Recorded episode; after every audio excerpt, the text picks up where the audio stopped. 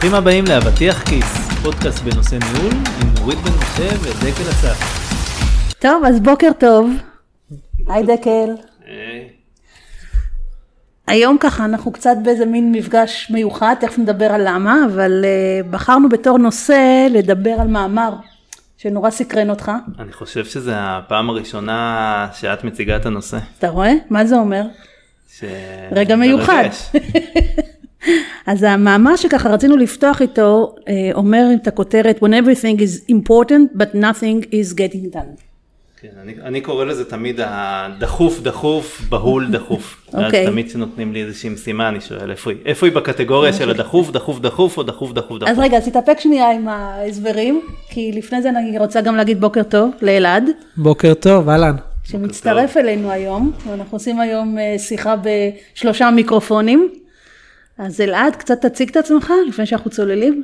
כן, אז אה, אהלן, נעים מאוד לכולם, אני אלעד יעקב, אני אה, מנהל מחברת ווסטרן דיגיטל, אה, מנהל היום אה, קבוצה של אה, כמאה אנשים, אנשי פיתוח, תוכנה, אה, גם בישראל וגם בחו"ל, בסקוטלנד.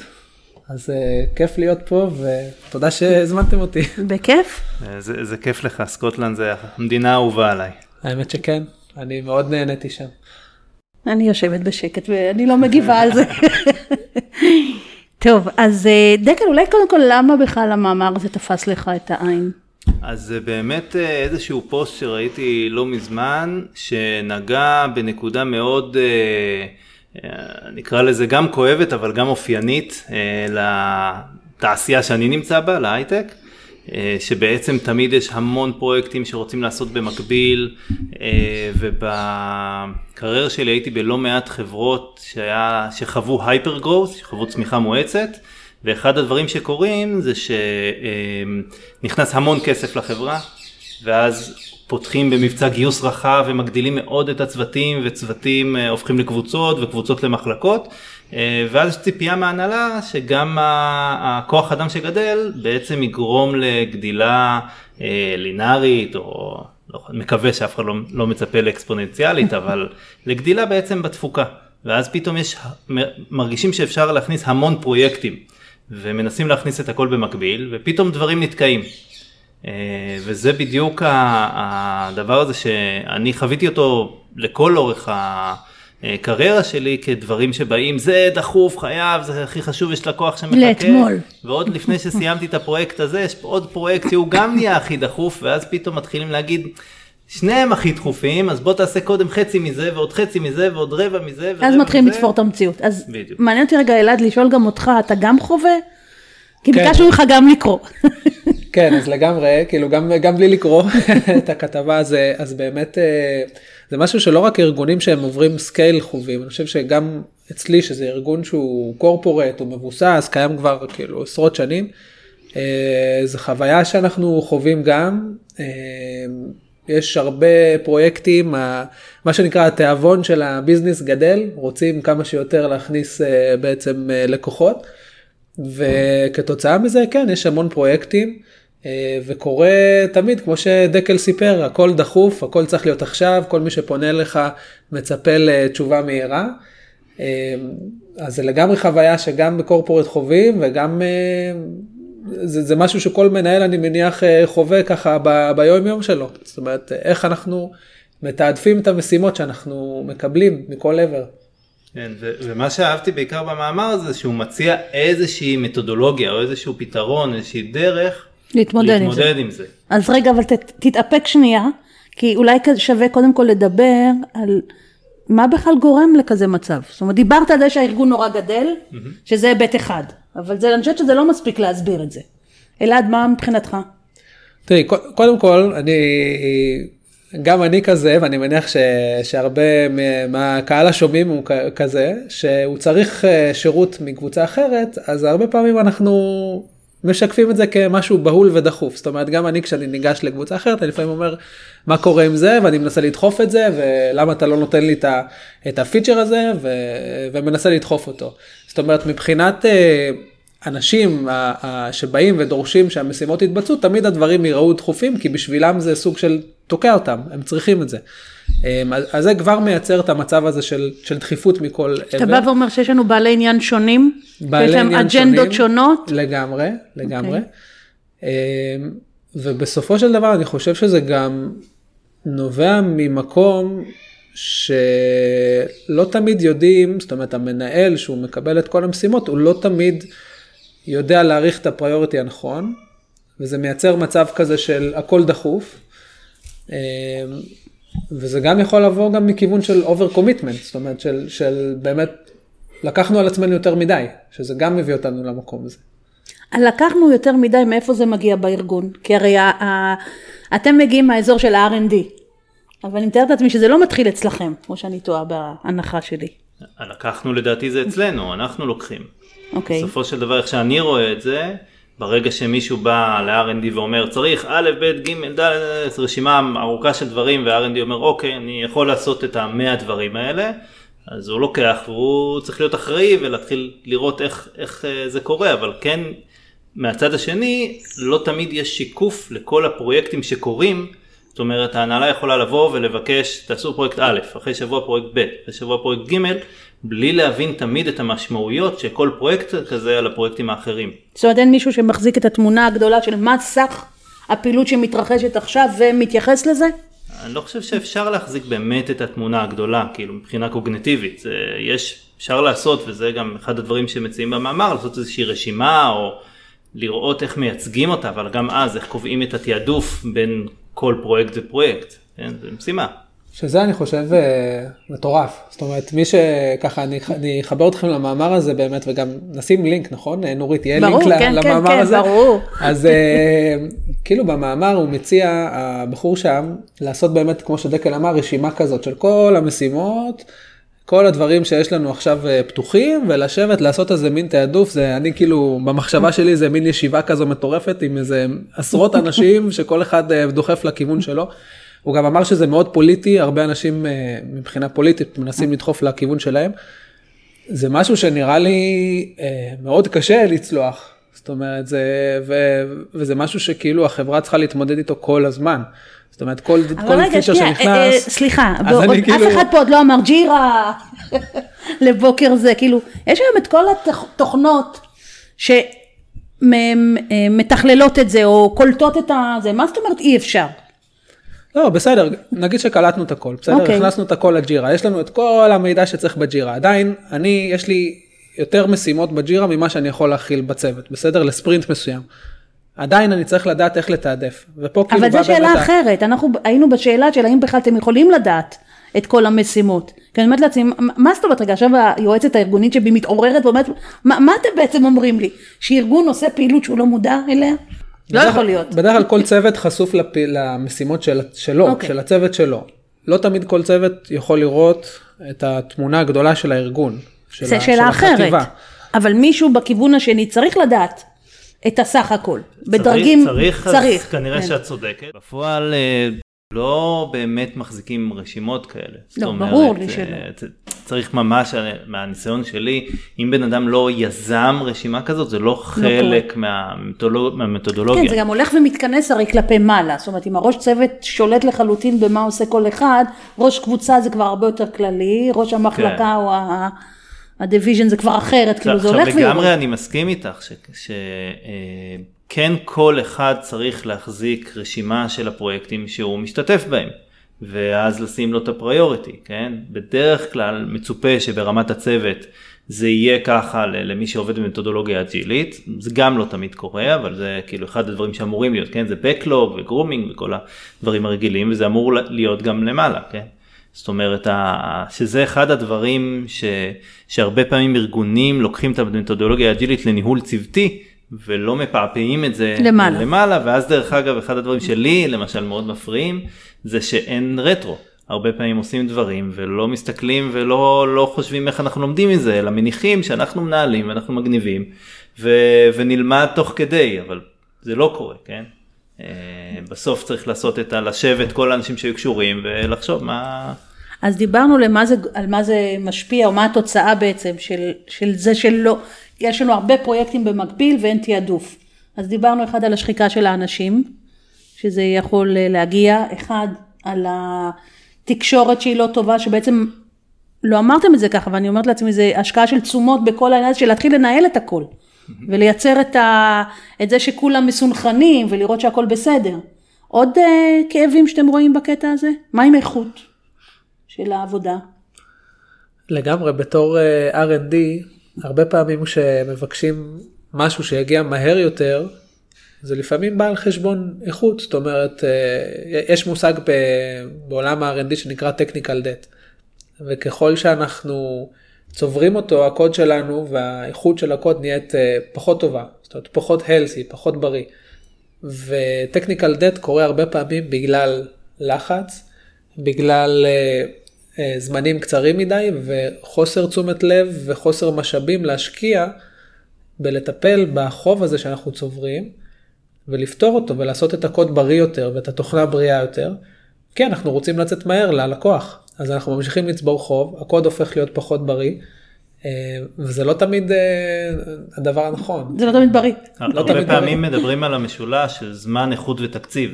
ובסוף, ברגע שגורעים ממשהו אחד, אז מן הסתם משהו אחר יכול להיפגע. כן, ואתה דיברת על זה שבעצם זה משפיע על, על תרבות הלמידה, או על השיפור של הארגון, נכון. אם כל פעם רצים מהר מהר אחד הדברים שאני רואה כשרצים מהר וכשמורידים איכות, זה כשיש פרויקט שצריך להעלות בו את האיכות, זה מאוד קשה, כי המפתחים כבר רגילים. לעבוד בצורה מסוימת ורגילים שזה בסדר להתפשר על האיכות ואז בעצם גם כשיש זמן הם לא עושים את זה כי או שהם כבר לא רגילים או שהם אומרים טוב גם ככה ילחיצו אותנו אז אנחנו לא רוצים אז אנחנו נקצר כבר. ואז מה שלאט לאט עולה, הופך וקורה זה שההערכות שלהם מתבססות על הזמן בלי, בלי תוצרי איכות. כאילו איך אני מה אני צריך לעשות בלי תוצרי איכות ואז הם כלואים בעצם כאילו קוראים לעצמם את הבור, כן? כי באים כמה זמן זה ייקח, הם אומרים אוקיי זה ייקח חודש, והם לא מחשבים את הזמן של פעולות איכות, ואז באים כאילו אחרי חודש ואומרים מה קורה עם זה, מה יש. ואז כאילו... שזה, שזה אני כאילו כמנהל תוכנה זה מאוד uh, מפריע לי, מאוד, אם אני רואה את הצוות שלי במצב כזה כמו שדקל מתאר, שכאילו בוא נעשה הכל מהר וזה, והם כאילו כבר במקום כזה, זה, זה כאילו נראה לי מהנדסים קבועים. אמ, אני גם הייתי מהנדס לא מזמן, למהנדס, מהנדסים צריכים את המקום הזה של לבוא ו, ולשפר את הקוד ולחשוב איך אנחנו... זמן חשיבה בעצם, וזמן שיפור זמן ולמידה. חשיבה, זמן ו... שיפור, איכות זה משהו שמאוד חשוב לנו, וברגע שאנחנו דוחפים את האנשים כל הזמן לתת את המוצר מהר, אתה ו... שוחק את זה בעצם. ופחות להשקיע במקום, במקומות האלה של איכות ושל innovation, אלא פשוט לתפור את המוצר מהר מאוד ללקוח. זה גם מייצר שחיקה. זאת כן. אומרת זה גם משהו שצריך לשים לב אליו. זה לא רק שחיקה זה גם פוגע בפרויקטים עתידיים כי בעצם אתה עושה נכון. את הפרויקט בצורה כזאת שמאוד נכון. קשה לך אחרי זה לתח עליו להרחיב. טוב אז דיברנו מלא על כל הבעיות ועל ההשפעה של זה אבל איך יוצאים מזה? מה הפתרונות שאתם רואים למצב כזה? אז פה באמת המאמר ממש נותן אה, נקודות שאני חושב שמצד אחד זה מאוד אה, אה, מאוד טוב ובאמת אפשר להסתכל על זה ולקחת את זה כצעד אחרי צעד. מצד שני צריך תמיד לזכור שהוא לא נותן את כל המתודולוגיה ועדיין יהיו פינות, צריך לראות כאילו וכל ארגון לראות את הבעיות שלו, אבל אני חושב שהמסגרת שלו היא מאוד מאוד טובה. אז הוא מדבר בעצם על אה, אה, שבע, שמונה נקודות. אה, אחד, ליצור הסכמה שיש בעיה, כן? הרבה פעמים בארגון הדברים האלה קורים ואנשים לא מבינים את הגודל הבעיה. הם אלה פשוט אומרים, אה, R&D, הם לא מצליחים לדלבר ולא מצליחים לעשות דברים. להבין שיש כאן בעיה שהיא קצת יותר רחבה, זה בדרך כלל קורה אחרי שפרויקט דגל לא מצליח, זה מהניסיון שלי. זאת אחרי משבר כלשהו. בדיוק, יש משבר ואז פתאום מבינים ואומרים, כאילו טוב מה כאילו מוכנים לקבל כמעט כל פתרון. אה, אחרי זה באמת לעשות אה, אה, רשימה של כל הפרויקטים שצריך ולתעדף אותם. עכשיו לפעמים לא ידעו, הביזנס לא ידע ממש לתעדף, אז צריך לבוא ולתת להם כל מיני פרמטרים ולנסות ליצור איזשהו, איזושהי רשימה אחודה ובמקרה קיצון להגיד אוקיי אם לא יודעים לתעדף אנחנו עובדים עכשיו רק על פרויקט אחד. אני צריכה לשאול אותך משהו, כי מקודם כן. כשאני אמרתי, מה זאת אומרת לא יודעים, שניכם עשיתם לי פושבק, אמרת, לא תמיד אפשר לדעת וזה, אז הנה, אתם אומרים עכשיו, כן צריך לדעת הכל. לא, אבל מה זה לדעת? הדבר הזה, כדי ליצור את זה, צריך ללכת, אם יש מנהלי פרויקטים, ולשאול אותם מה הפרויקטים, ואם יש product, אז מה... למה אבל שזה לא יהיה קיים בשגרה? צריך ליצור את זה. בסדר, צודקת, אבל צריך ליצור את זה. כרגיל אני צודקת. היצירה של זה, זה תהליך שהוא... הוא השקעה. הוא, הוא כבד, וגם השימור של זה, זה לדעתי כבד, שאני לא בטוח שה-ROI משתלם, כן? אני, אני, אוקיי. הרבה פעמים תהליכים יכולים גם להביא אותנו למקום שאנחנו הופכים להיות כבדים יותר. כאילו משקיעים יותר מדי בתהליך ולא ב... אני חושב שהרעיון במאמר הוא רעיון טוב, צריך לשים אותו ברמה שהיא high level, זאת אומרת, אני לא הייתי נכנס, ל... אני לא יודע למה הוא התכוון במאמר, אבל אם הכוונה היא להיכנס לכל משימה ול... ולהתחיל לשים כל משימה ב priorities, נראה לי זה קצת overkill, כי כאילו כן. זה, זה כבר לא ריאלי, מדי. כן. אבל ברמת הפרויקטים הגדולים, כן, חייב, חייבים לדעת את ה priority, ו, ונגיד מסמך כזה זה אופציה אחת, אה, כאילו לשבת עם באמת עם ה business, לה, להבין את ה roadmap קדימה, זה דברים שחשוב שיקרו, זה לגמרי. אה, עדיין בתוך המקום הזה, בתוך המקום הזה שאנחנו יודעים נגיד מה הפרויקט הכי חשוב, עדיין יהיו משימות שביניהן אנחנו נצטרך לחשוב מה ה priority. ופה כאילו מאוד חשוב התפקיד של המנהל, לעשות את, ה, את הסדר, אה, וגם לדעת לעשות pushback לאנשים שבאים ואומרים שזה הכי חשוב, אבל כשהוא שואל את השאלות הנכונות, ופה הנקודה זה לשאול את השאלות, הוא יודע להגיד, אוקיי, זה, זה לא באמת כזה חשוב. ומבחינתי השאלות שכל מנהל צריך לשאול, זה, זה באמת, גם כתוב את זה במאמר, זה מה הדחיפות, ודחיפות היא יכולה להיות ברמה של... זה דחוף עכשיו לצאת ללקוח, כאילו לצאת, לעלות ל production נגיד, או, או לצאת לגרסה הקרובה.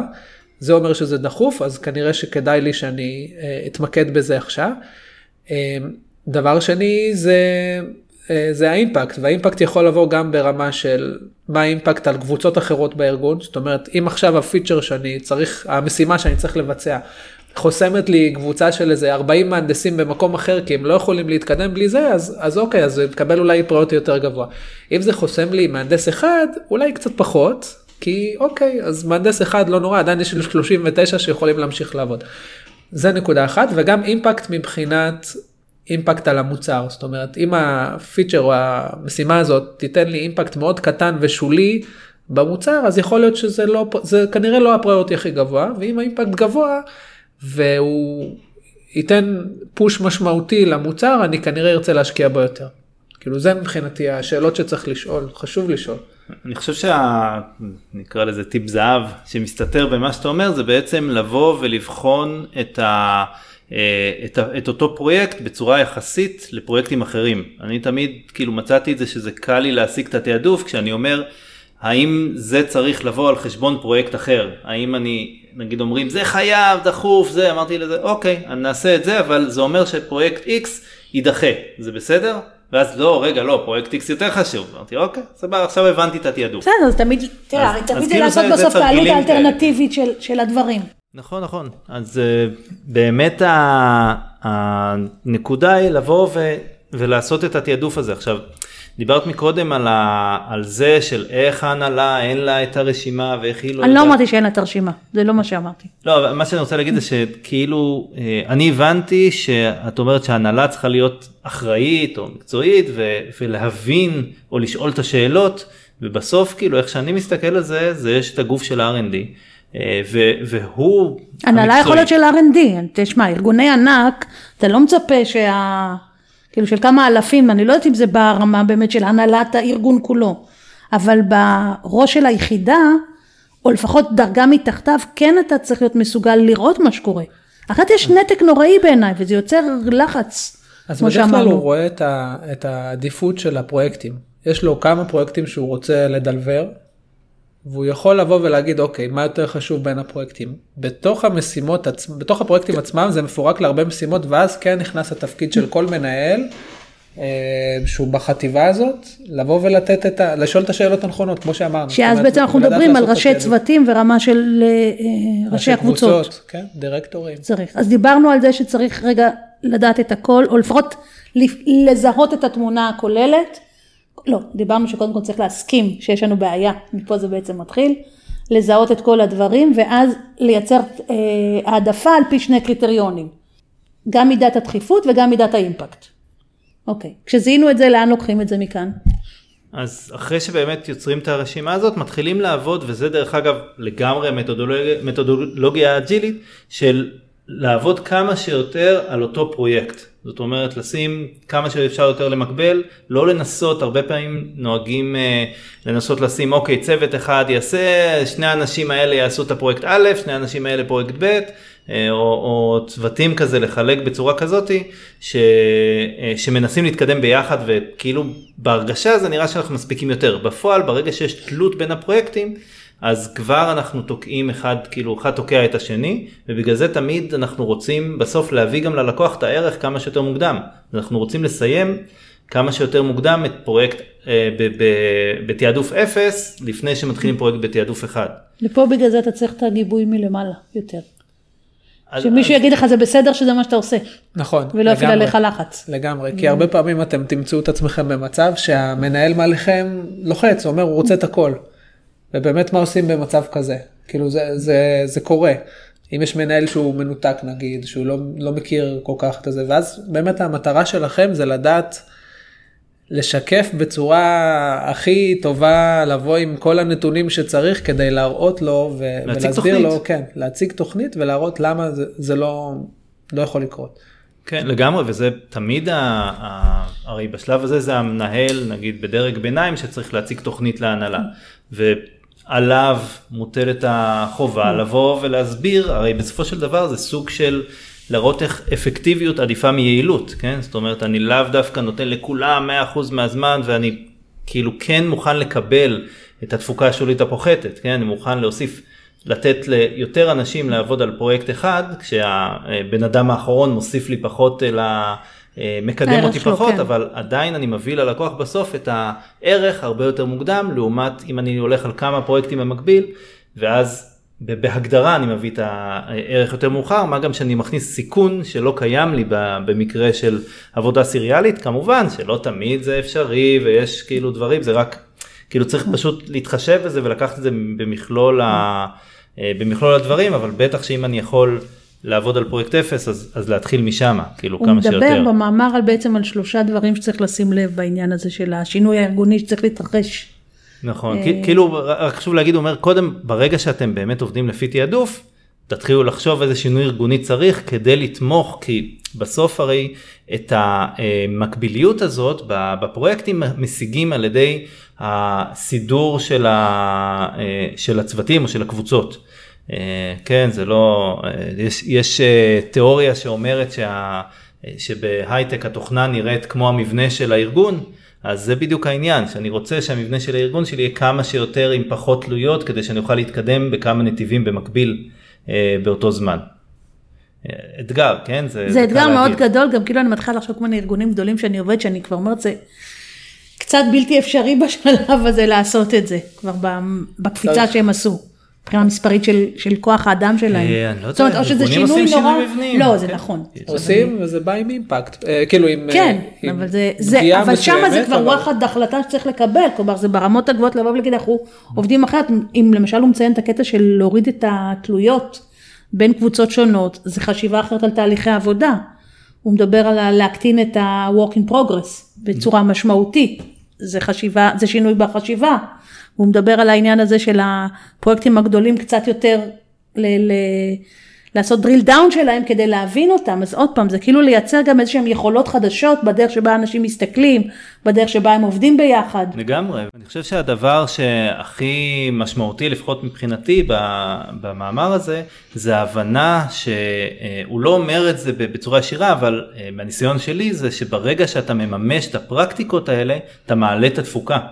ואז בעצם אתה יוצא מהפרדיגמה הזאת שכדי להעלות תפוקה אתה צריך אה, אה, לגייס עוד אנשים, אלא אתה פשוט משנה את השיטת ניהול, אתה משנה את המבנה של הצוותים, אתה מאפשר לך להתקדם בצורה יותר אה, חלקה.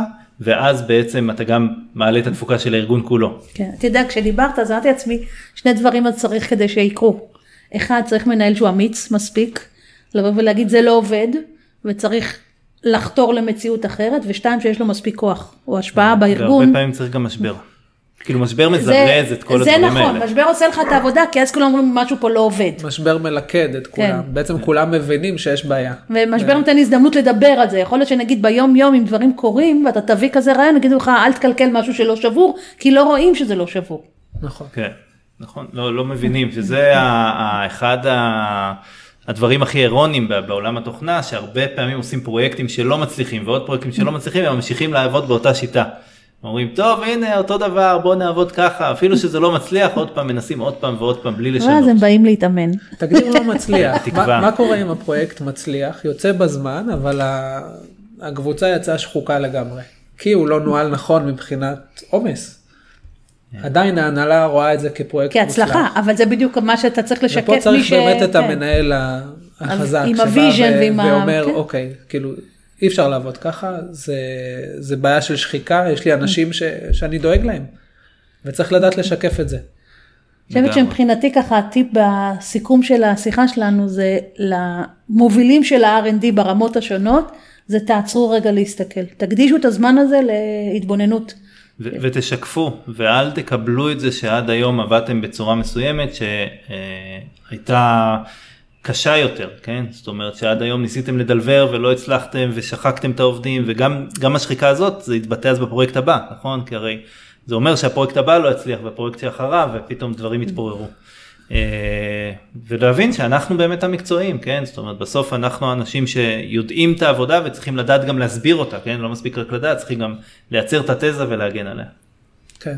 אלעד, הסיכום שלך לעניין. כן, אני חושב שבאמת כל מנהל צריך לדעת כשהוא, כשהוא מסתכל על סל המשימות שיש ל- לצוות או לקבוצה שלו, הוא צריך לדעת לעשות את התעדוף, ואם הוא לא יודע, הוא צריך לשאול את השאלות הנכונות, זה מאוד חשוב. זאת אומרת, ברגע שאנחנו מתייחסים להכל כהכי דחוף והכי בהול, יש בלאגן. אה, וזה התפקיד שלנו, לעשות את הסדר. ובאמת בכמה שאלות פשוטות אנחנו יכולים להבין את הדחיפות ואת ה impact כמו, ש, כמו שאמרנו, וזה יכול לעשות לכם סדר.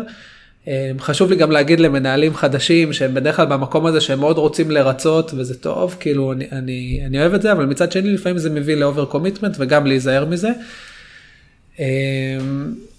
וזהו, ואני מתחבר למה שדקל אמר, כאילו תשימו לב, זאת אומרת ליכולת, לקפסיטי של הצוות שלכם, תראו שאתם לוקחים משהו שהוא בגדר היכולת, אה, אני לא אומר אה, לקחת פחות, לקחת אפילו קצת יותר, אבל עדיין להיות בגדר הסביר ולשמור על בלנס טוב, כאילו זה העצה שלי. אז דקל ואלעד, תודה. ורגע, יש לנו עכשיו סגירה אחרת. אה, אז אה, מי שכבר ראה ברשתות או שמע והקשיב, אז אנחנו באבטיח כיס עושים היום שינוי.